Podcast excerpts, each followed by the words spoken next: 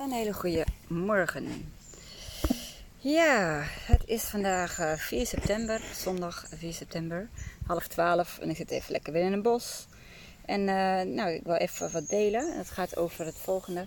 Uh, deze podcast gaat natuurlijk over crisissen, polarisatie, toenemende spanningen. En nou, ik heb daar best wel vaak ideeën over, dus het lijkt me leuk om dat gewoon kwijt te kunnen.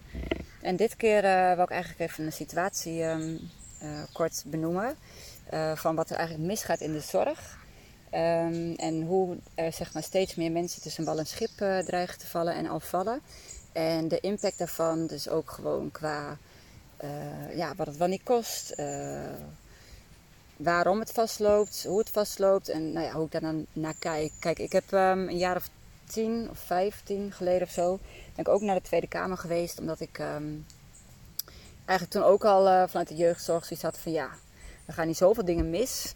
En um, volgens mij kunnen er dus zoveel dingen worden versimpeld en daardoor ook kosten worden bespaard. En dan aan de andere kant ook meer successen worden be bereikt met jongeren met een, een lichtverstandelijke beperking of, of met ja, autisme of, of een, ja, welk gedrag dan ook wat zeg maar, uh, hulp uh, nodig heeft. Nou ja, dus uh, maar dat gaat er dan meer over. Ik werkte toen in een uh, kamertrainingscentrum of een begeleid wonen. En daarin uh, merkte ik dan op van hé, hey, er worden heel veel jongeren hier geplaatst. En die hebben eigenlijk helemaal geen perspectief. Er is geen dagbesteding. Ehm, de ouders worden dan vaak veel te ver weg, worden te weinig betrokken in het proces. Uh, jongeren worden dan bij elkaar geplaatst die elkaars problemen vaak versterken, omdat het overdag is er dan weinig invulling? Nou ja, al dat soort dingen. En dat zie je dan zo'n paar jaar aan en dan kom je met allemaal ideeën. En dan denk je, ja, dit, is, dit hele systeem werkt zo. En dat verander je natuurlijk ook nooit zomaar ineens. Maar er gaat wel heel veel geld in om. En, uh, en eigenlijk aan de andere kant worden er weinig successen behaald. Dus nou ja, dat was toen dat ik dus naar de Tweede Kamer ben gegaan. Ben ik toen ook uitgenodigd. Heb ik daar toen ook over kunnen praten. Maar goed, vervolgens gebeurt er natuurlijk helemaal niet zoveel. En uh, laat je dat weer wat los. Toen ben ik een jaar of 10, 12, 14, ik weet niet precies. Uh, ook in instellingen uh, blijven werken, ook met uh, mensen met een verstandelijke beperking. maar wel van het hoge niveau.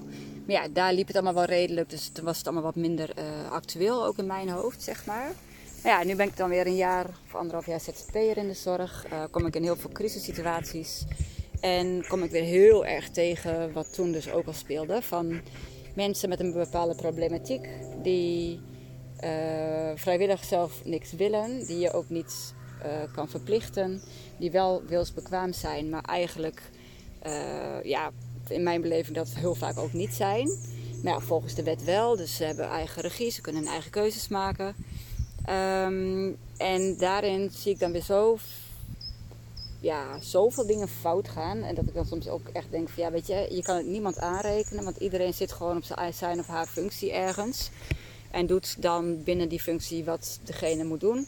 Maar het hele systeem eromheen, dat klopt gewoon niet met elkaar. Want, even een voorbeeld, een van mijn cliënten is een alcoholist. Uh, is ook autistisch. Um, ja, heeft een hele geschiedenis van een moeder die ook heel manipulatief was. Een hele complexe situatie. Uh, nou, de jongen die moet nou verhuizen, want zijn moeder is overleden en hij woont nog in dat huis. kan hij niet voor zichzelf zorgen. Um, maar ja, dan heeft hij dus die verslaving. En door die verslaving kan hij dus nergens worden geplaatst. Uh, niemand wil hem, iemand hebben met een, met een alcoholverslaving. Maar om in opname te komen voor je alcohol, moet je dus daarna een plek hebben waar je naartoe kan. Ja, waarin je dus gewoon de boel weer kan opbouwen, hè, je leven. Dus een soort van veilige plek. Maar die plek die is dus niet bereikbaar doordat die verslaving nu nog speelt. Uh, nou, en zo word je dus eigenlijk keer op keer van het kastje naar de buur gestuurd. Um, heb ik het idee dat organisaties heel makkelijk tegenwoordig denken: ik brand mijn vingers hier niet aan, ik wil die verantwoording niet dragen. Dus uh, ja, het is bijna overal een nee wat je krijgt. Ondertussen worden de problemen steeds erger, steeds erger. Uh, wordt er steeds vaker politie ingezet omdat dingen uit de hand beginnen te lopen. Uh, nou, dan, dan, praat je dus soms over dagen waarin vier, vijf uur een politie, nou ja, soms wel met meerdere tegelijk, vier, vijf, soms ja, twee, drie, vier, vijf, dat komt dus ook heel vaak voor uh, daar gewoon een halve dienst aan besteden. Om dus iemand in crisis ja, om daar naartoe te gaan, omdat de buren dan weer overlast hebben, omdat die mensen ontsporen, omdat er gevaar uh, ontstaat voor brandstichting of voor geweld. Maar de politie kan niks, want die hebben geen reden om zo iemand op te pakken. Dan ben je met de crisisdienst van de GGZ. Nou ja, dan hadden we dus in dit geval echt te maken met een ernstige crisis. Die wordt dan door de eerste arts goed beoordeeld als zijnde uh, urgent, moet vandaag opgenomen worden. Vervolgens wordt dan weer een volgende persoon erop afgestuurd en die vindt het ineens niet urgent. En dan is dus weer een kans verloren gegaan. En zit die persoon nog steeds thuis, tot frustratie van de buurt, tot frustratie van ons als hulpverlening. En met steeds minder dat je nog denkt van ja, hoe gaan we dit ooit nog oplossen? Waar moet die jongen heen? Moet hij dan dakloos worden, zeg maar? Ehm, en ondertussen geeft die eh, persoon dus gisteren echt aan: help mij, want ik kan het niet meer, ik overzie het niet meer. Maar is die hulp er vervolgens dus niet? En dat is een probleem wat steeds vaker voorkomt. Want ook uh, heb ik meerdere van dit soort cliënten al gehad de afgelopen jaar. Waarin er ook heel vaak met politie, met crisisdiensten, met veilig thuis, van alles nog wat is ingezet, maar nooit is daar een resultaat uitgekomen waar, waarvan je dan dacht, hé, hey, dat heeft het ook echt daadwerkelijk iets gebracht. Of hè, dat heeft zoveel, zoveel gekost en dat heeft dat, nou ja, dat is, is het wel waard geweest, want we hebben daardoor ook uh, weer stappen kunnen zetten naar, naar de toekomst of nou ja, naar de, ja, richting de, de toekomst. En dan denk ik van, man, man, man, die politie heeft toch ook wel andere dingen te doen. Maar ik was gisteren dus heel lang met de politie in gesprek. Van, joh, hoe zien jullie dit? Ja, en zeggen ook, we zijn tegenwoordig eigenlijk vooral bezig met dit soort brandjes blussen, letterlijk en figuurlijk. En mensen, uh, ja, paniekeren van buren. Van jullie moeten nu komen, hij moet nu mee, want wij zijn, we zijn helemaal beu. Maar ja, weet je, de politie kan dan dus net niks. De uh, crisisdienst die wil eigenlijk vooral niks. Want dan is het weer de alcohol. Nee hoor, hij heeft onder invloed, dus we nemen er niet mee. Ik denk, ja, hallo. Dat hoort toch juist bij dat hij op, op dit moment de crisis helemaal zit. Dat hij dus gaat drinken, ontspoort. En dan denk ik van, wat een omgekeerde wereld. Maar ondertussen is het natuurlijk logisch dat uh, in de tijden waarin we nou leven, waarin er dus steeds meer mensen um, onder spanning komen te staan, onder druk komen te staan, in de problemen raken door financiën of door eenzaamheid of door uh, ja, wat het ook is. Ja, die kunnen dan dus vervolgens niet echt heel erg gauw ergens terecht waarvan je denkt: Goh, dat zet ook zoda aan de dijk. Dus die problemen die verergeren, de onrust neemt toe.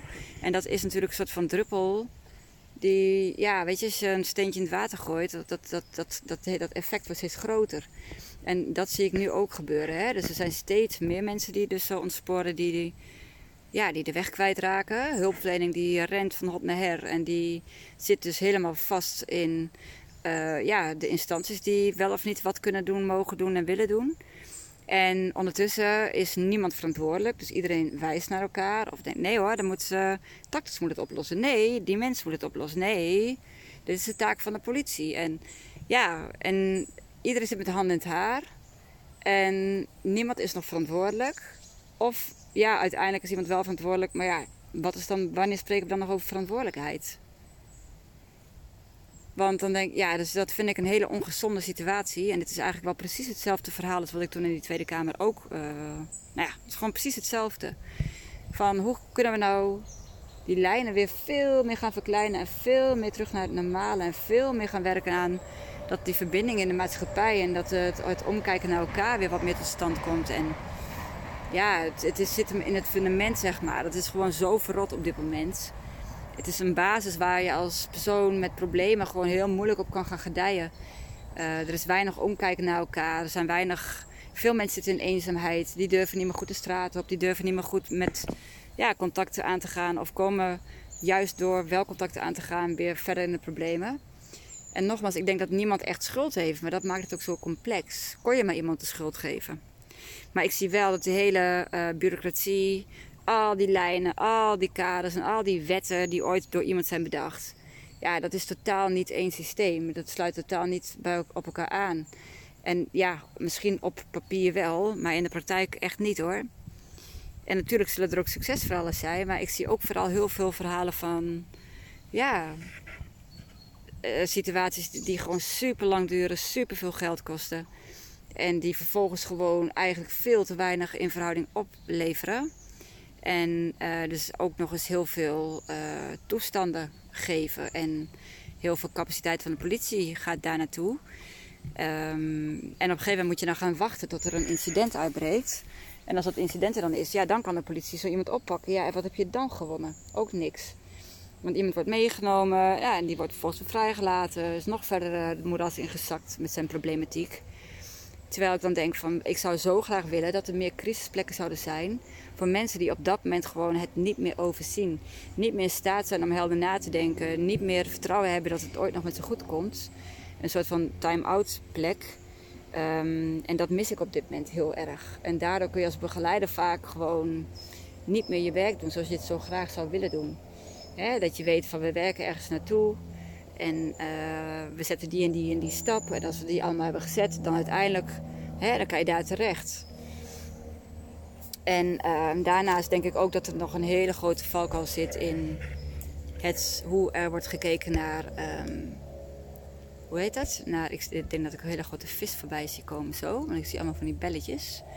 Uh, van, ja, weet je, met de alcohol dus. Hè? Als iemand dus een alcoholprobleem heeft, dan moet hij dus eerst in de kliniek en kan dus niet in begeleid wonen. Maar dan denk ik van, er zijn daardoor zullen heel veel mensen die wel hulp nodig hebben, er niet aan toekomen, omdat die uh, opname vaak een veel te grote stap is voor zo'n persoon. Dus hoe mooi zou dat zijn als er dus veel meer plekken zouden komen waarin alcohol gedoogd kan worden, begeleid kan worden. En dat er kan worden gewerkt aan de onderliggende problematiek. En daarmee, eh, daarin neem je natuurlijk die alcohol mee. Hè? Dat, dat is natuurlijk logisch, want het is aan elkaar gekoppeld.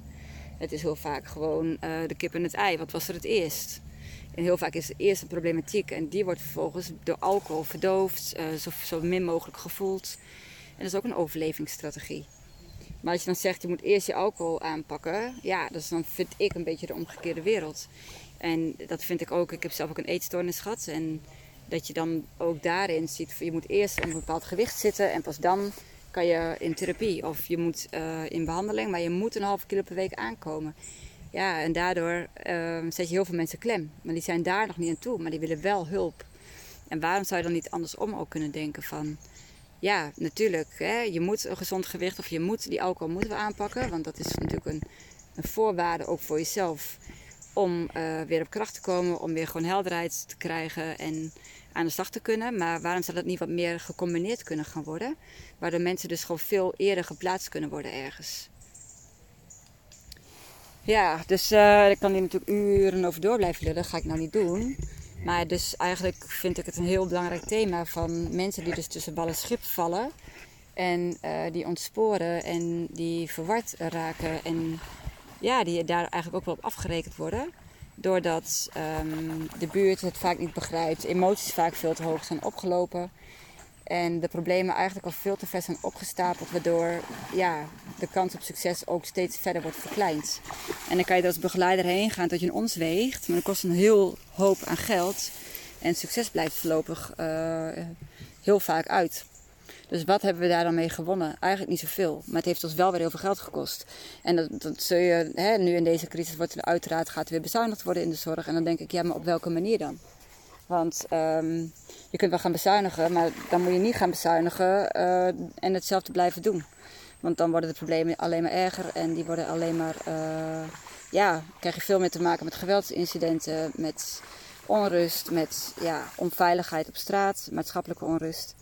En uh, ik vind dat gewoon heel erg zorgelijk. En ik denk gewoon echt dat we veel meer terug moeten naar back to basic, naar ja, hoe we dat vroeger deden, naar gezinnen weer centraal stellen. En um, zorgen voor veel meer verbinding in de buurt. Dat er veel meer toezicht is naar elkaar. Dat er veel meer begrip komt voor de situatie van elkaar. En, uh, en dat is namelijk ook wat ik gewoon heel erg zie dat het er niet is. Bij heel, in heel veel situaties. Omdat er dan al zoveel gebeurd is. En omdat mensen er al zo klaar mee zijn. Dus hoe stel je dan nog open voor de situatie van een ander? Dat is natuurlijk super ingewikkeld.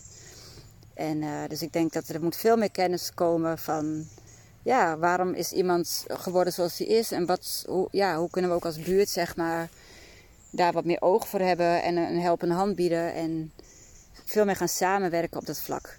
Want in je eentje als begeleider kom je, kom je er gewoon niet. Hè? Dus um, ja, dan moet je 24-7 bij iemand zijn, maar dat is natuurlijk helemaal onbetaalbaar. Nou ja, ik vind dat gewoon een heel belangrijk punt. En ik vroeg, vraag me af, ja, als je dit luistert, heb jij misschien ook mensen in je omgeving waarvan je denkt: oh ja, dat is eigenlijk ook wel iemand die ik herken uh, hè, van de situatie, die eigenlijk ook wel ontspoord is. En uh, het is denk ik heel belangrijk om daar gewoon eens naar te kijken: van wat, wat denk je daar dan bij? En wat is dan eigenlijk op dit moment jouw visie daarop?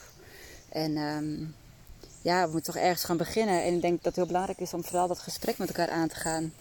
En daar in ieder geval wat meer oog voor te krijgen. En uh, niet zo snel te oordelen van iemand moet maar even normaal doen of iemand is volwassen, dus die moet dat maar kunnen. En uh, dan, ja, daarin mist gewoon heel veel kennis. En ik denk dat die kennis ook heel erg simpel kan zijn, maar daarbij wel heel erg belangrijk dat, je, dat mensen wat meer verder nadenken dan hetgene wat ze zien. Hè? En waardoor hun eigen situatie misschien in gevaar komt en waardoor je dan nog verder van elkaar komt te staan.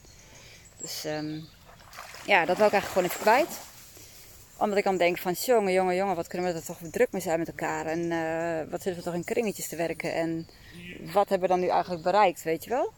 Dus um, ja. Dus wie weet uh, denk je, goh, ik herken dat wel. En ik denk van, ja, het gaat mij er ook om om dit soort dingen te delen. Dat het gewoon, ja, ben ik het kwijt. En ik denk, het moet gewoon veel meer bespreekbaar gaan worden gemaakt. En uh, nou, mocht je een reactie achter willen laten hierop, dan kun je altijd een mailtje sturen. En uh, zo niet is het ook goed, alles is goed. Ik hoop gewoon dat, we, ja, dat we die verbinding wat meer weer terug kunnen gaan krijgen in de maatschappij. En dat we weer wat meer kunnen gaan omkijken naar elkaar. En het oordeel naar elkaar wat meer kunnen gaan loslaten.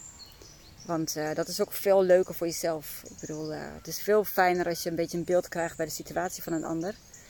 En dat geldt natuurlijk nu ook met de boeren of met andere situaties, ondernemers die in de knel zitten we kunnen heel makkelijk zeggen, nou, die moet maar dit en die moet maar dat. Maar daar staan we waarschijnlijk ook weinig bij stil van wat is nou eigenlijk die impact in het leven van die ander. Dus eh, of het nou gaat over iemand die verward is en die het niet meer overziet. Of iemand die zijn zaak dreigt te verliezen of zijn boerenbedrijf dreigt te verliezen.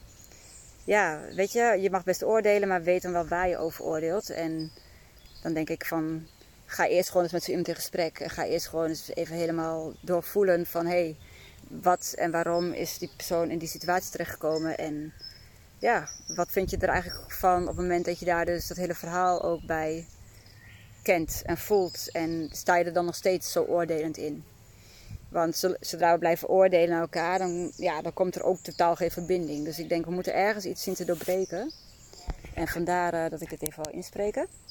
Dus, uh, nou, um, dat was hem. En ik zou zeggen, een hele fijne zondag. En uh, bedankt voor het luisteren. En um, nou, er komt er wel weer één binnenkort. Bedankt. Doei doei.